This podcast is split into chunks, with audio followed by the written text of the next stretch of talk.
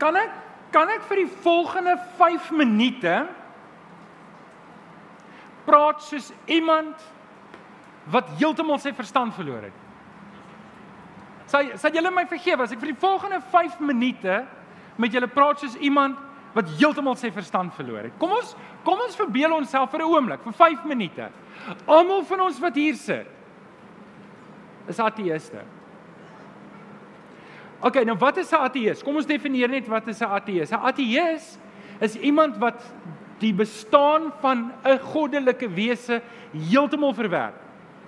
En ek wil hê vir 'n oomblik, net vir 'n oomblik probeer jouself nou indink wat moet wat moet 'n ateïs dink? Sit jouself op vir hierdie oomblik in 'n ateïs se skoene en verbeel jouself, hoe sou die wêreld, hoe sou jy gekyk het na die wêreld as jy nie geglo het dat daar 'n God bestaan nie. Nou, net om vir julle 'n bietjie konteks te gee, op hierdie oomblik is daar om en by en ek het dit nie nou onlangs getel nie, maar as ek die statistieke moet glo, 7.9 biljoen mense op hierdie planeet. Van hierdie 7.9 biljoen mense sê 500 mense hulle is ateëste. Nou oké, okay, ek moet dit ook gelyk gee dat 200 van daai 500 miljoen bly in China. En um dit beteken 40% van die wêreld se ateëste bly binne in China. En dit beteken eintlik is daar nie so baie mense wat bereid is om pen op papier te sit om te sê hulle is ateëste nie. OK nou nou daar's 'n rede hoekom ek dit doen. Daar's 'n rede hoekom ek dit doen. Ongelukkig deel van daai 500 miljoen mense is mense wat identifiseer as agnostikuste.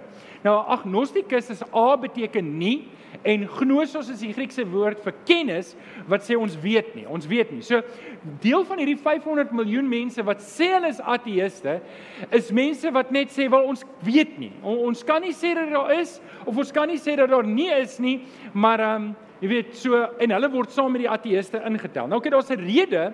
Daar's 'n rede hoekom ek hierdie oefening met jou doen, want dit is die inleiding vir my boodskap en vanoggend dit is 'n baie baie belangrike boodskap en ek hoop dat Ek weet die kinders is nou uit, maar ek hoop dat jy saam met jou kinders en kleinkinders hierdie boodskap gaan kyk, want ons as Christene moet verstaan wat ons glo. Nou, as ons hier almal saam onsself vanoggend in die skoene sit van 'n ateïs, dan het ons 'n probleem.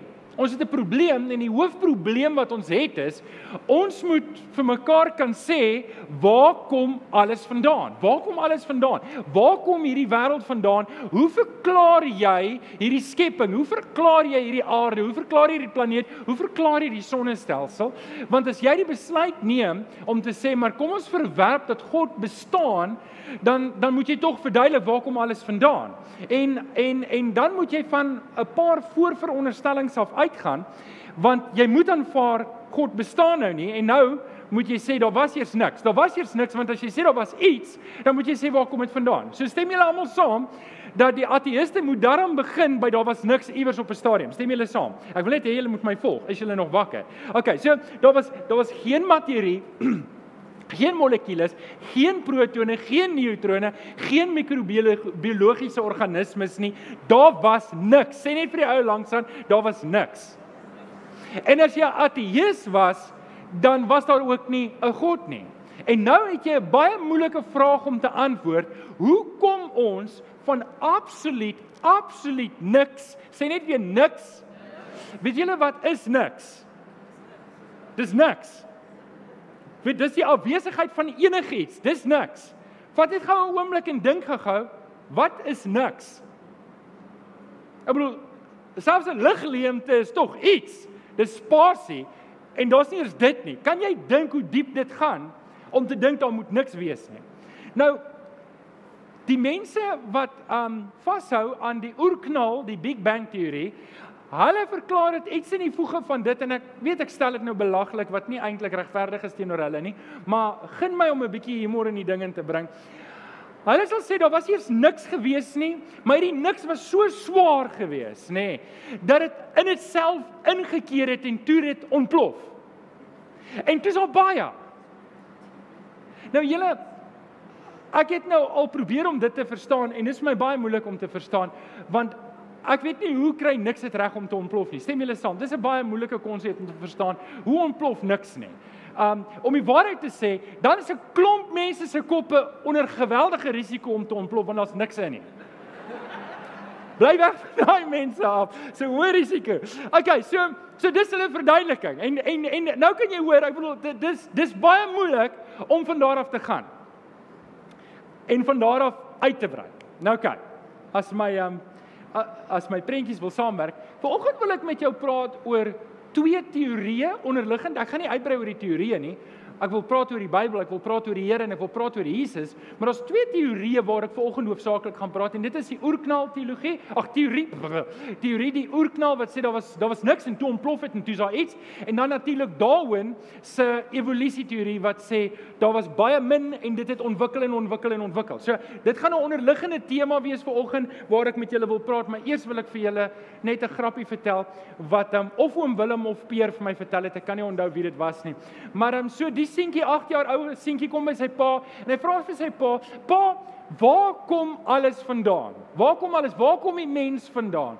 En die pa vertel in die begin het die Here alles gemaak en uit die aarde geskep en hy het Adam en Eva gemaak en Adam en Eva het kinders gekry en dit het uitgebrei en dis waar ons vandaan kom. En ehm um, Dis die eerste keer wat hy die storie hoor en hy dink maar, okay, hy wil net by sy ma ook hoor dat sy ma meer detail gee en hy gaan vra vir sy ma en hy vra sy ma, "Ma, waar kom die mense vandaan?" En sy sê, "Jy weet, daar was aanvanklik mikrobiologiese organismes en dit het ontwikkel en dit dit het toe toe so ape en die ape het toe weet oor tyd het dit mense geword." En toe is die seentjie erg de mekaar en hy kom terug by sy pa en hy sê vir sy pa, "Pa, ek verstaan nou nie. Ma, pa sê alles het ontstaan, die Here het gemaak en ma sê ons kom almal van ape af. Wie's reg? Die pa dink so oomblik en hy sê, "Seun, eintlik is ons albei reg. My familie kom van die skepping en jou ma se familie kom van die ape." Kom ons staan. Kom ons staan op. Kom ons staan op. Hou jou Bybel lekker hoog in die lug en sê lekker hard saam met my. Dit is my Bybel. Ek is wat dit sê ek is. Ek het wat dit sê ek het. Ek kan doen wat dit sê ek kan doen. Met my mond bely ek met my hart glo ek dat Jesus die Here is. Amen. Amen. Jy kan jou Bybel vanoggend oopmaak by Genesis 1 en ons gaan 'n paar verse saam lees vanaf vers 1 Genesis 1 vanaf vers 1 en um, terwyl julle julle Bybels oopmaak wil ek net vir almal aanlyn sê baie welkom. Dis altyd lekker om in jou sitkamer te wees. Dis lekker om deel te kan wees. En dis lekker om te weet jy's deel van hierdie gemeente waar jy ook al is. Ek het vanoggend gesien daar's iemand van Windhoek. Dis wonderlik om die mense te sien. En ek wil jou vra, help ons om die woord uit te kry. Druk op die like knoppie, druk op die subscribe knoppie en gaan share dit sommer op Facebook of waar dit ook al is, op WhatsApp waar jy is. Help ons om die woord uit te kry vir al hierdie boodskappe. Hierdie boodskap is 'n baie baie belangrike boodskap. Vriende, kom ons sê net vir die mense by die huis ook baie welkom. Geef hulle lekker hande klap af toe. Baie welkom. Kom ons lees saam in Genesis 1 en ek gaan net vers 1 tot 5 lees. Ek wil jou vra om Genesis 1 tot 3 te lees by die huis. Sal julle Genesis 1 tot 3 lees by die huis? Sê mm. Mm. Gaan julle Genesis 1 tot 3 lees by die huis? Is dit reg met julle? OK, julle julle OK, wonderlik, wonderlik. Lees saam met my in die Bybel Genesis 1 vanaf vers 1. In die begin het God die hemel en die aarde gemaak. As dit ons skriflesing is vir oggend, dan is dit genoeg. En dis wat ek wil hê julle moet dalk net hierdie vers hardop saam met my lees. 1 2 3. In die begin OK, ek gaan hom verder lees. Die aarde was heeltemal onbewoonbaar, dit was donker en op die diep waters, maar die gees van God het oor die waters gesweef en toe het God gesê, "Laat daar lig wees." En daar was lig. God het gesien die lig is goed en hy het die lig en die donker van mekaar geskei. En dan vers 5 wat sê God het die lig toe dag genoem en die donker het hy nag genoem. Dit het aand geword en dit het môre geword en dit was die eerste dag. En dit is die verse wat ek volgens met jou wil deel. Ek wil jou mooi vra om die res van Genesis 1 tot 3 te lees by die huis. Volgens wil ek met jou gesels oor waarom ek die evolusie teorie verwerp en waarom jy dit ook behoort te doen. Nou ek weet nie waar jy vanoggend staan nie. Om die waarheid te sê, terwyl ek teologie geswat het in my eerste jaar en my tweede jaar, het ons 'n 'n 'n dokter gehad van die universiteit wat vir ons Ou Testament aangebied het. En en hy het 'n baie liberale aanslag gehad en hy het gesê hy het probeer om die evolusie teorie en die skepingsverhaal met um met met die Bybel te vereenselwig en en baie van julle wat hier sit mag dalk dit glo. En vanoggend wil ek vir jou sê hoekom jy dit nie so kan glo nie en nie so behoort te glo nie en hoekom dit skade sal doen vir jou geloof. Dis wat ek vanoggend wil doen. Ek gaan vir jou vanoggend 5 redes gee.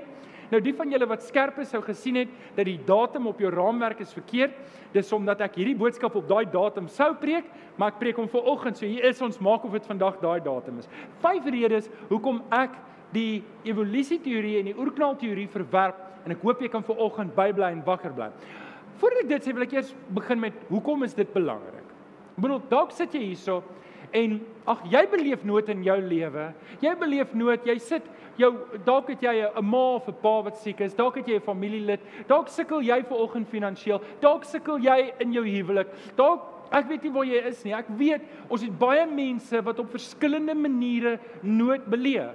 En hoekom in 'n tyd wat ons soveel nood beleef en soveel stikkindheid het, hoekom hoekom tyd afstaan om oor iets soos hierdie te praat? En ek dink wat baie belangrik is en en en en dis wat Paulus vir Timoteus sê in 1 Timoteus 1:19, maan hy vir Timoteus aan en hy sê hou vas aan die geloof. Sê net gou hou vas aan die geloof en behou 'n goeie gewete omdat sommige hulle gewete onderdruk het, het hulle geloofsgebreek gelei en, en hierdie is belangrik, die skepingsverhaal, die hele evangelie is gebaseer op die skepingsverhaal met Adam en Eva. En as jy as jy as jy daaraan Peter en dis waar ons vanoggend gaan kyk, dan loop ek en jy die risiko om ander dele van ons geloof ook um prys te gee. En dit sien ons vandag in die kerk. Ons sien dit vandag in ons groter breërstroom kerk. En julle, ek wil nie teen die kerke praat vandag nie. Dis nie wat my taak is nie, maar my werk is om elkeen van ons te waarsku om te sê, weet jy as jy genoeg bakstene uit die muur uithaal, dan val die mure mekaar in.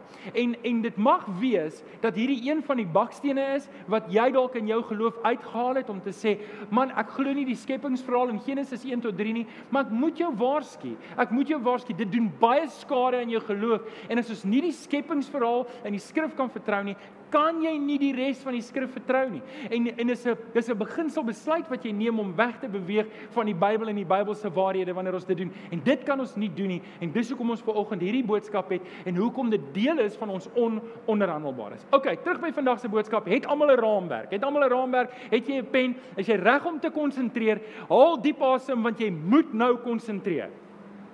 Gaan jy konsentreer? Sê asseblief mm. OK. Is jy reg hiervoor? Rede nommer 1. Rede nommer 1 hoekom ek die evolusie teorie verwerp en hoekom jy dit behoort te doen, is die evolusie teorie veronderstel dat God nie bestaan nie. Hoor mooi, die evolusie teorie daaroor gaan van die veronderstelling, die voorveronderstelling af uit dat God nie bestaan nie, dat daar nie 'n God is nie. Daaroor is 'n ateïs. En daarom het hy die teorie ontwikkel. Hy moes 'n antwoord gee vir hoekom alles bestaan en hy moes 'n antwoord gee sonder dat God bestaan. Hy moes 'n antwoord gee sonder die bestaan, sonder die inmenging. Nou, julle ateïsme is regtig nie 'n nuwe ding nie, hoor. Regtig, ateïsme is nie 'n ding wat die afgelope tyd sy kop uitgesteek het nie. En is ook nie dat daar nou meer mense ateïste is as ooit tevore nie. Om die waarheid te sê, selfs in Dawid se tyd lees ons dat daar ateïste was. In Psalm 14 vers 1 lees ons: "’n Dwaas in sy hart, daar is geen God nie. Dis 'n eeu oue ding. Dis een van die maniere om wanneer ek God kan verwerp, kan ek moraliteit verwerp en dan kan ek beter voel oor myself. Nou dis nie almal se situasie nie. Baie mense word groot as ateëste, maar hoe dit ook al sê, as jy nie glo in God nie, dan moet jy 'n verklaring gee vir hoekom alles bestaan. En en dis dis die belangrike ding. Ek wil hê julle moet mooi verstaan. Christendom is nie teen wetenskap nie. Asseblief, dis nie waar dit gaan nie. Christendom is vir God en God het die wetenskap gemaak. So met ander woorde, wanneer ek met wetenskap te doen het, dan sien ek God daar. Nou ons het baie ingenieurs in ons gemeente. Ek beskou julle as wetenskaplikes. Ons het baie dokters, mediese personeel, mense wat in laboratoriums werk. Ek beskou julle as wetenskaplikes. Ek is nie 'n wetenskaplike nie, so ek kan nie wetenskaplik praat nie, maar ek kan met julle praat oor Jesus en ek kan met julle praat oor die Bybel en ek wil vir julle wys hoe hierdie goed bymekaar kom. Maar ek wil tog vir jou hierdie een ding sê en hier is 'n belangrike ding. As jy na die wetenskap kyk en jy staan een tree terug en jy sê kom ons gaan van die voorveronderstelling af uit dat God nie bestaan nie. Dan moet ek 'n antwoord kan gee. En dit is die probleem met met Darwin se teorie. Dit is die probleem met Darwin se teorie want dit gaan van die veronderstelling af uit dat God nie bestaan nie. En as ek dit doen, as ek dit glo, as jy ver oggend hier sit en jy glo dat die evolusie teorie waar is, dan glo jy 'n teorie wat geskryf is omdat iemand die bestaan van God verwerp het. Maak dit sin wat ek vir julle sê? Met ander woorde, dis iemand wat gesê het ek kan nie vir myself op die plek kry om te glo in God nie. Daarom moet ek 'n ander stel reëls, 'n stel 'n ander stel antwoorde kry. En hierdie is my antwoord vir waar alles vandaan kom as 'n alternatief tot die Bybel, as 'n alternatief vir wat God sê. En as jy dit glo, kies jy om van die skrif af weg te beweeg en te glo wat hulle glo. Met ander woorde, en dis hoekom dit so gevaarlik is. Dis hoekom ek jou so wil waarsku om nie die evolusie teorie te glo nie. Dis hoekom ek jou so wil waarsku want dan glo jy iets wat klaar 'n tree weg is van die woord van die Here, 'n groot tree. OK, dis rede nommer 1. Rede nommer 2, die evolusie teorie is presies dit. Dis 'n teorie. Dis 'n teorie. Ongelukkig as jy 'n ding lank genoeg en genoeg kere gehoor het, dan begin dit vir jou familier klink. Hoe's daai vir 'n mooi Afrikaanse woord? Dit begin vir jou bekend klink en hoe meer jy 'n ding hoor, hoe meer klink dit vir jou soos die waarheid. Kom ek gee net eers vir julle wat sê Romeine 1 vers 20. Paulus skryf van die Romeine, hy sê van die skepping van die wêreld af kan 'n mens uit die werke van God duidelik aflei dat sy krag ewigdurend is en dat hy waarlik God is. Hoewel dit die dinge is wat 'n mens nie met die oog kan sien nie. Nou dis 'n groot vers en jy het nou niks gekry van dit nie, is ek reg? So, ek gaan die vers weer lees en ek gaan 'n paar strategiese woorde uithaal. Nou wil ek net hê julle moet nou konsentreer, is julle by. Okay, so Romeine 1:20 sê van die begin van die skepping van die wêreld af. Met ander woorde, hier begin Paulus en hy gaan terug na die skepping toe. Waar daar 'n skepping is, is daar 'n skepper. Sê gou skepper. Okay, so waar daar 'n skepping is, is daar 'n skepper. So as jy van die van die skepping van die wêreld af kan 'n mens uit die werke van God duidelik aflei dat sy krag ewigdurend is. Wat sê Paulus hier? Paulus sê wanneer ek stil raak en ek kyk na die skepping, dan is dit duidelik dat daar 'n God is. Dis duidelik dat daar 'n God is. Wanneer ek in die aand in Sutherland gaan staan en ek kyk na die sterre, dan moet ek doelbewus vir myself jok om te sê daar kan nie 'n God wees. Nou kan nie 'n God wees nie. Hierdie goeters, dit het alles, daar was niks en toe ontplof dit en dis alles nou skielik hier want God kan nie bestaan nie. Hoor jy hoor jy hulle waarheen gaan dit? Okay? So jy kan dit duidelik aflei en dit dat sy krag ewigdurend is en dat hy waarlik God is. Hoewel dit dinge is wat 'n mens nie met die oog kan sien nie, want ons kan God nie sien nie, maar ons kan God se werke sien. Okay, stem julle saam om te glo dat God alles geskep het en om te glo dat daar niks was nie en toe ontplof dit en toe so iets klink maar altyd soos geloof. Nou jy sê maar is dit nie wetenskaplik bewys nie? Kom ek sê net gou-gou eers dit. As jy groot geword het sonder God. Kom ons sê jy het groot geword en daar was en, en niemand het jou ooit vertel van Jesus nie. Jy het geen geloof gehad nie. Selfs daardie persoon in sy hart gaan weet daar's 'n God. Dis wat Romeine sê. Selfs daardie persoon gaan weet daar's 'n God. Nou, ek wil die woord teorie gou-gou vir jou verduidelik. Want dit is die evolusie, dis Darwin se evolusie teorie. Ek wil ietsie verduidelik van 'n teorie en dalk weet jy dit nie. Die definisie van 'n teorie en hierdie is toevallig 'n wetenskaplike definisie, so net dat julle weet, dis nie 'n teologiese definisie nie. In die konteks van wetenskap is 'n teorie 'n gevestigde verklaring, 'n gevestigde verklaring vir wetenskaplike data. Nou hoor gou daai woord.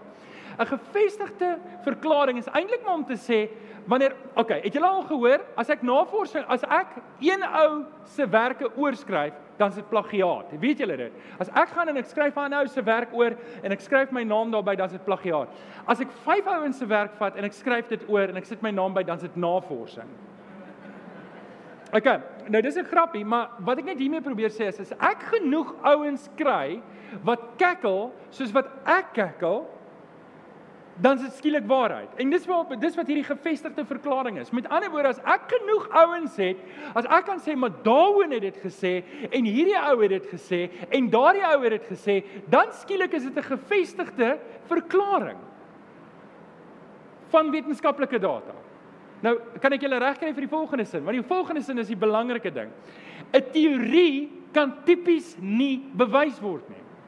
Het julle dit geweet? Het julle geweet dat daar is nie bewyse vir die oerknal nie? Daar is nie bewyse vir evolusie nie. Daar is nie. Dis hoekom dit 'n teorie is. 'n Teorie is 'n baie mooi woord vir 'n wetenskaplike vermoede. Weet julle wat 'n vermoede? 'n Vermoede is wanneer ek na 'n ding kyk en ek weet nie heeltemal wat dit is nie en ek het 'n vermoede dit kon so gewees het. Dis wat 'n teorie is. 'n Teorie is iemand wat kies om nie in God te glo nie in hierdie geval en dan moet hy 'n verklaring gee vir hoekom dit so is. En wanneer genoeg mense daai selfde verklaring aanhang, dan is dit skielik 'n teorie wat 'n gevestigde verklaring is. Maar dis nog nie bewys nie. En hier is 'n belangrike ding wat ek en jy moet huis toe vat van hier af. Die evolusie teorie is nie bewys nie. Sê vir jou langs dan is nie bewys nie. Die oerknal teorie is nie bewys nie. Om die waarheid te sê, het ek in die week terwyl ek lees en ek lees 'n bietjie verder want ek wil daarom ingelig wees as ek hier voor julle staan en soos ek gesê het ek is nie wetenskaplike nie, het ek verder gelees en dit lyk vir my, dit lyk vir my dat baie wetenskaplikes het die vermoede dat toe die oerknal, die Big Bang plaasgevind het, was daar nie niks gewees nie. Sê so go figure. Gaan gaan lees dit op. Hulle het tot die vermoede gekom dat daar was toe nie niks nie. So dit was daarom iets toe dit ontplof het. Ek kan nie wag om te sien hoe speel dit uit nie. OK, so hier is belangrik. Dis die evolusie teorie is presies dit. Dis 'n teorie. Dis 'n teorie wat vir die veronderstelling af uitgaan dat God nie bestaan nie. Dis hoekom ek en jy dit behoort te verwerp. Dis hoekom ons dit behoort te verwerp. Nommer 3. Die evolusie teorie veronderstel dat dood lewe bring. En hierdie maak saak Hierdie maak saak en hierdie is van kardinale belang vir die evangelie. En ek gaan probeer om dit vir jou te verduidelik. In Genesis 2 vers 15 tot 17 lees ons dat Adam en Eva het in sonde geval. En ons lees die Here God het die mens beveel van al die bome in die tuin mag jy eet soos jy wil, maar van die boom van alle kennis van um van alle kennis mag jy nie eet nie. Die dag as jy daarvan eet, sterf jy. So kom ek vertel vir julle hoe die evangelie in mekaar skakel. Reg in die begin het God vir Adam en Eva gesê: "Ek gee julle vrye keuse.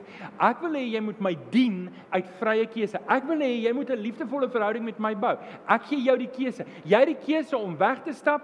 En dis die belangrike ding hier. Die Here het ons nie puppets gemaak nie. Die Here het ons nie ge, ge pre-program om sy wil te doen nie. Hy gee my en jou vryheid. Ek en jy het vryheid. Jy het vryheid net soos wat jy die vryheid het om jou man of jou vrou lief te hê en jou kinders lief te hê of dit nie te doen nie. Net so het ek en jy vryheid om God lief te hê of om hom te verwerp.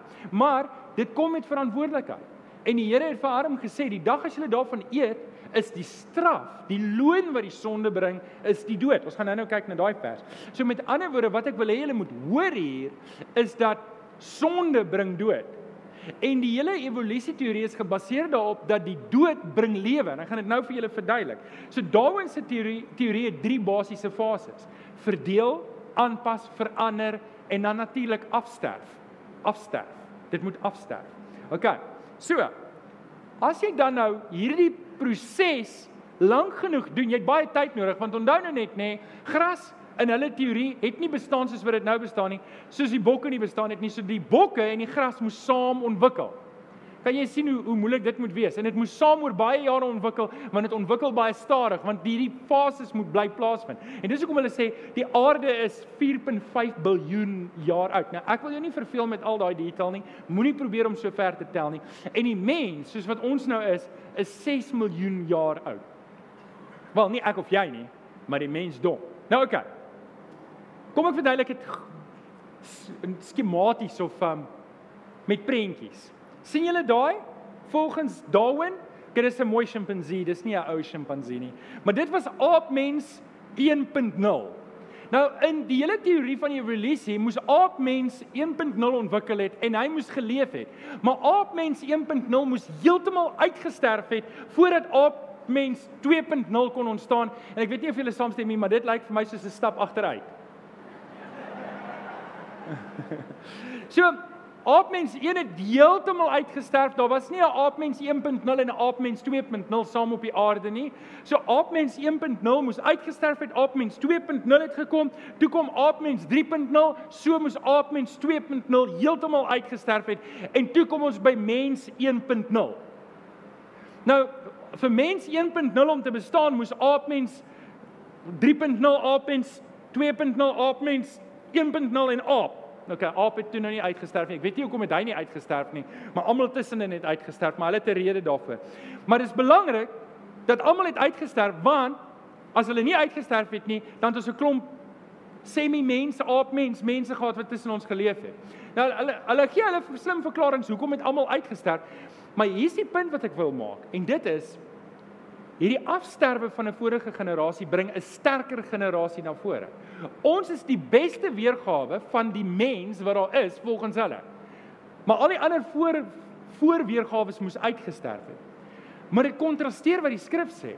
Waar hulle sê die dood bring 'n sterker weergawe, leer die Bybel presies die teenoorgestelde. Die loon wat die sonde gee, is die dood dat die beste weergawe van die mens wat op aarde ooit was, was in die tuin van Eden, Adam en Eva. Hulle het hulle het die vermoë gehad om ten volle met God in verhouding, ten volle te kommunikeer met God, ten volle sonder sonde, enige foute, enige tekortkominge kon hulle met God in interaksie gehad het. En na die sondeval het die dood gekom en die mens het gedegradeer sien julle hoe hierdie twee totaal en al onverzoenbaar is. Dit is totaal en al onverzoenbaar. Evolusie sê die dood bring lewe, die dood is nodig om te versterk waar die Bybel sê die sonde bring dood. En en daai is daai jy kan daai twee nie versoen nie. Jy kan nie want die dood is is is, is 'n middelpunt in albei kante en albei stories. In die evangelie sê ons Jesus moes vir ons sonde aan die kruis gesterf het. Hy hy is gedood, hy's vermoor. Dood in hierdie geval bring vir ons die ewige lewe. Maar dis hierna, dis nie hier nie. En dan um, partykeer wanneer ons kyk na ons kinders dan dink ons hulle gaan weet die volgende generasies gaan agteruit. Kan dit nie heeltemal so nie. OK, so daai's 'n belangrike een. Nou kom ek by die vierde een. Wat was eers die hoender of die eier? Wat was eers die hoender of die eier? Kom ons doen dit net vir die pret. Wie van julle sê die eier was eerste? Wie van julle sê die hoender was eerste? O, oh, ek het die regte gehoor hier. So, hier hier is 'n goeie vraag en hier is 'n skriftuurlike vraag en ek gaan dit nou vir julle verduidelik hoekom. Genesis 1 vers 1 sê in die begin het God die hemel en die aarde geskep. Nou, as ons nou kyk na die skepping, dan en ons vra die vraag, wat was eers die hoender of die eier? Dan lees ons in Genesis 1 vers 22 dat toe God klaar die diere gemaak het, het hy hulle 'n opdrag gegee: "Gaan en wees baie, gaan vermenigvuldig." Nou, ehm um, as jy 'n eier maak, weet die eier moet eers uitbroei en dan moet hy 'n kuiken wees en dan moet hy 'n gewone hoender wees voordat hy kan voortplant. Nou ek kan nie meer detail daarin gaan nie want dis jonger ore, maar ek wil julle kry die idee. Voortplanting het 'n sekere volwassenheid nodig. En net so met die mens ook, toe die Here vir Adam en Eva gemaak het, lees ons in Genesis 1 vers 28, gaan en wees vrugbaar, bewoon die aarde, neem verantwoordelikheid vir die skepping. Dit was die basiese opdrag wat God vir Adam en Eva gegee het. Nou om dit te doen, moet jy 'n sekere volwassenheid, 'n sekere ouderdom hê. Nou hoe oud was Adam? Ons weet nie. Die Bybel sê nie. Maar ek en ek kan ek kan aanvaar dat Adam in die omgewing van 30 jaar oud was. Ek kan aanvaar dat hy in daai omgewing was. Hy was 30 jaar oud en um Abraham en Eva kon hulle kon kinders kry. Dit lees ons in die skrif. Hulle kon verantwoordelikheid aanvaar vir die skepping. So hulle was beslis nie 12 jaar oud nie. Stem julle saam met dit? Hulle was beslis nie 13 jaar oud nie. So hulle moes volwassenes gewees het toe God hulle gemaak het. En en en dit gesê kan julle insien dat Adam op een oomblik 30 jaar oud is en een dag oud is. Kan julle dit insien? En hierdie is 'n belangrike ding en ek hoop jy kop dit. Toe God vir Adam gemaak het, het hy hom 30 jaar oud gemaak. Maak dit sin? God het Adam oud gemaak. Hy het hom nie 'n babietjie gemaak nie, hy het hom 30 jaar oud gemaak. Maar hoe oud was hy op daai dag?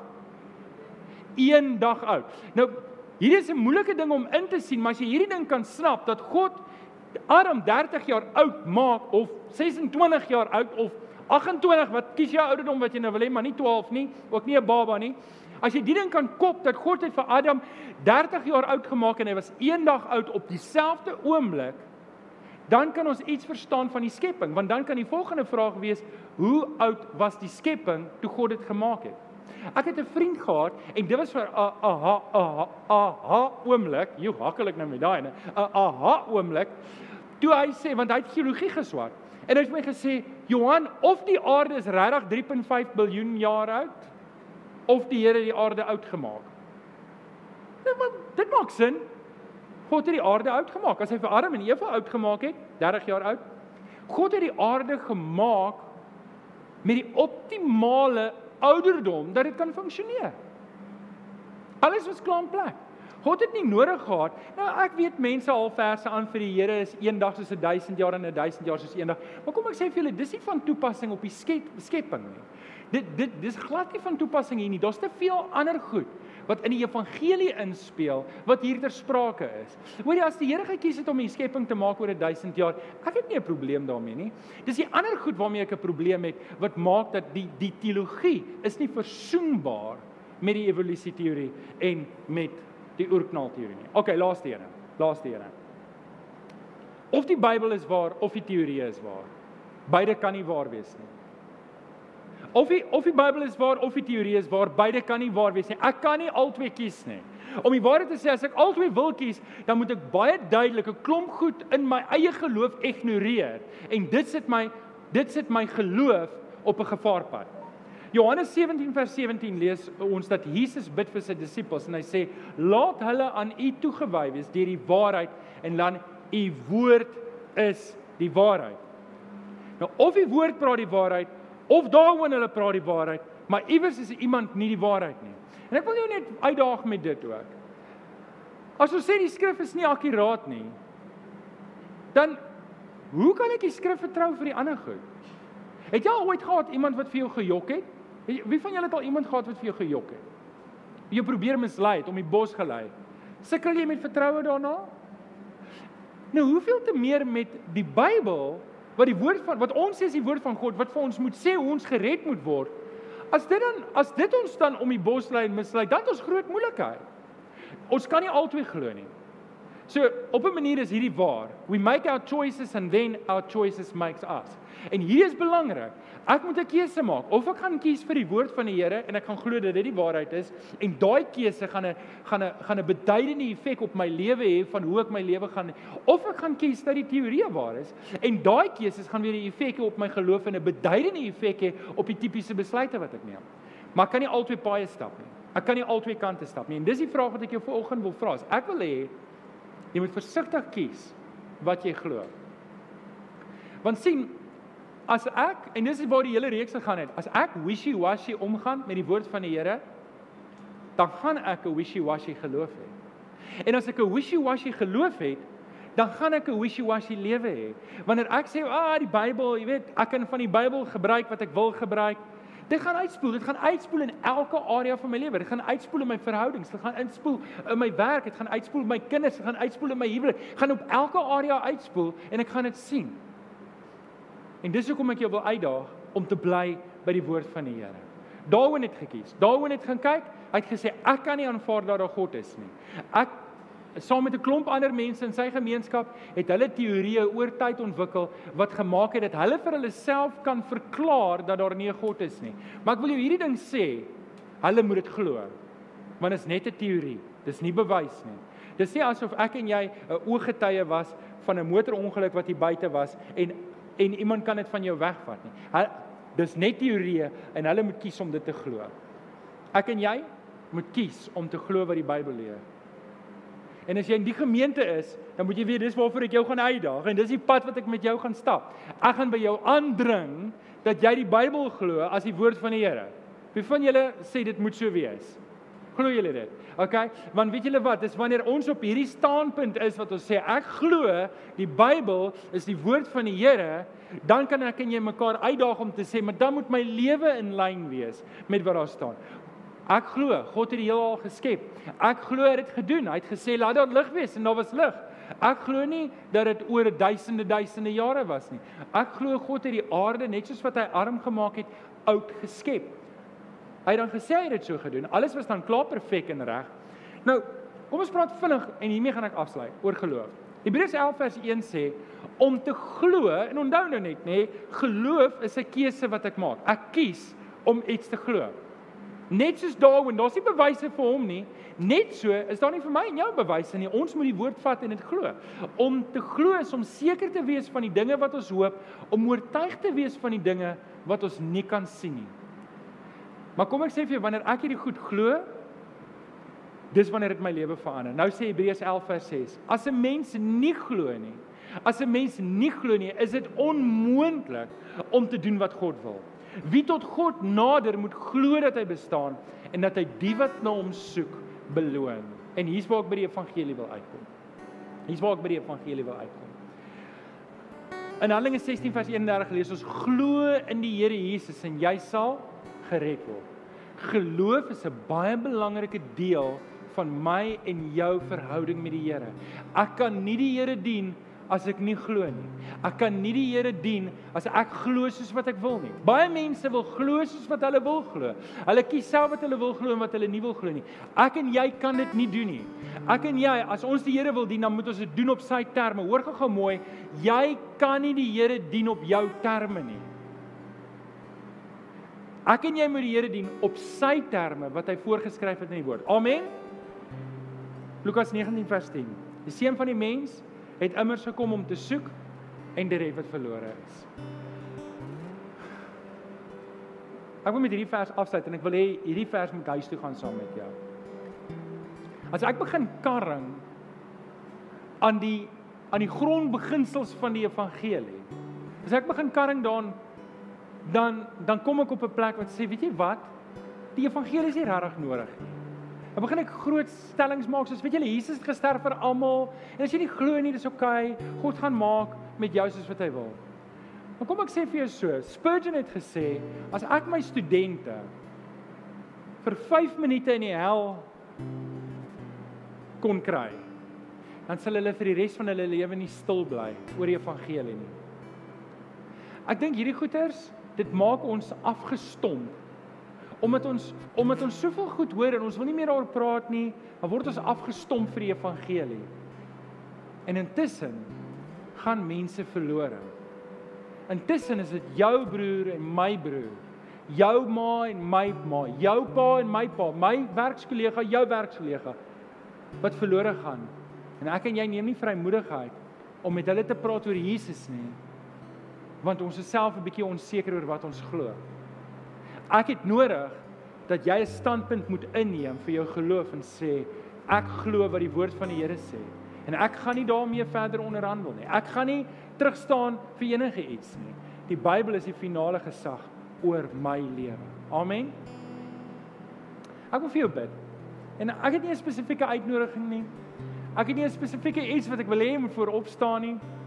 Maar ek wil hê in jou hart moet jy 'n besluit neem om te sê die woord het die finale gesag in my lewe. Kom ons bid saam. Vader, ons kom dankie vir oggend. Here dat Miskien is dit nie 'n gewone boodskap wat ons met die gewone daaglikse probleme sit nie, maar Here, hierdie is so belangrik dat ons moet verstaan dat ek kan nie ek kan nie my geloof net gaan meng met wat die wêreld sê nie. Dit vergiftig my. Dit ver, vergiftig my hoe ek dink oor die evangelie. Vergiftig my oor hoe ek teenoor mense optree. Dit beroof my van 'n dringendheid om met mense te praat oor Jesus want want skielik weet ek self nie meer wat ek glo nie. Here kom help vir ons vanoggend om om in ons hart daadwerklike besluit te neem om te sê ek glo u woord want u woord is die waarheid. Kom seën vir ons hier. Ons bid dit in Jesus naam. Die kinders van die Here sê Amen. Amen.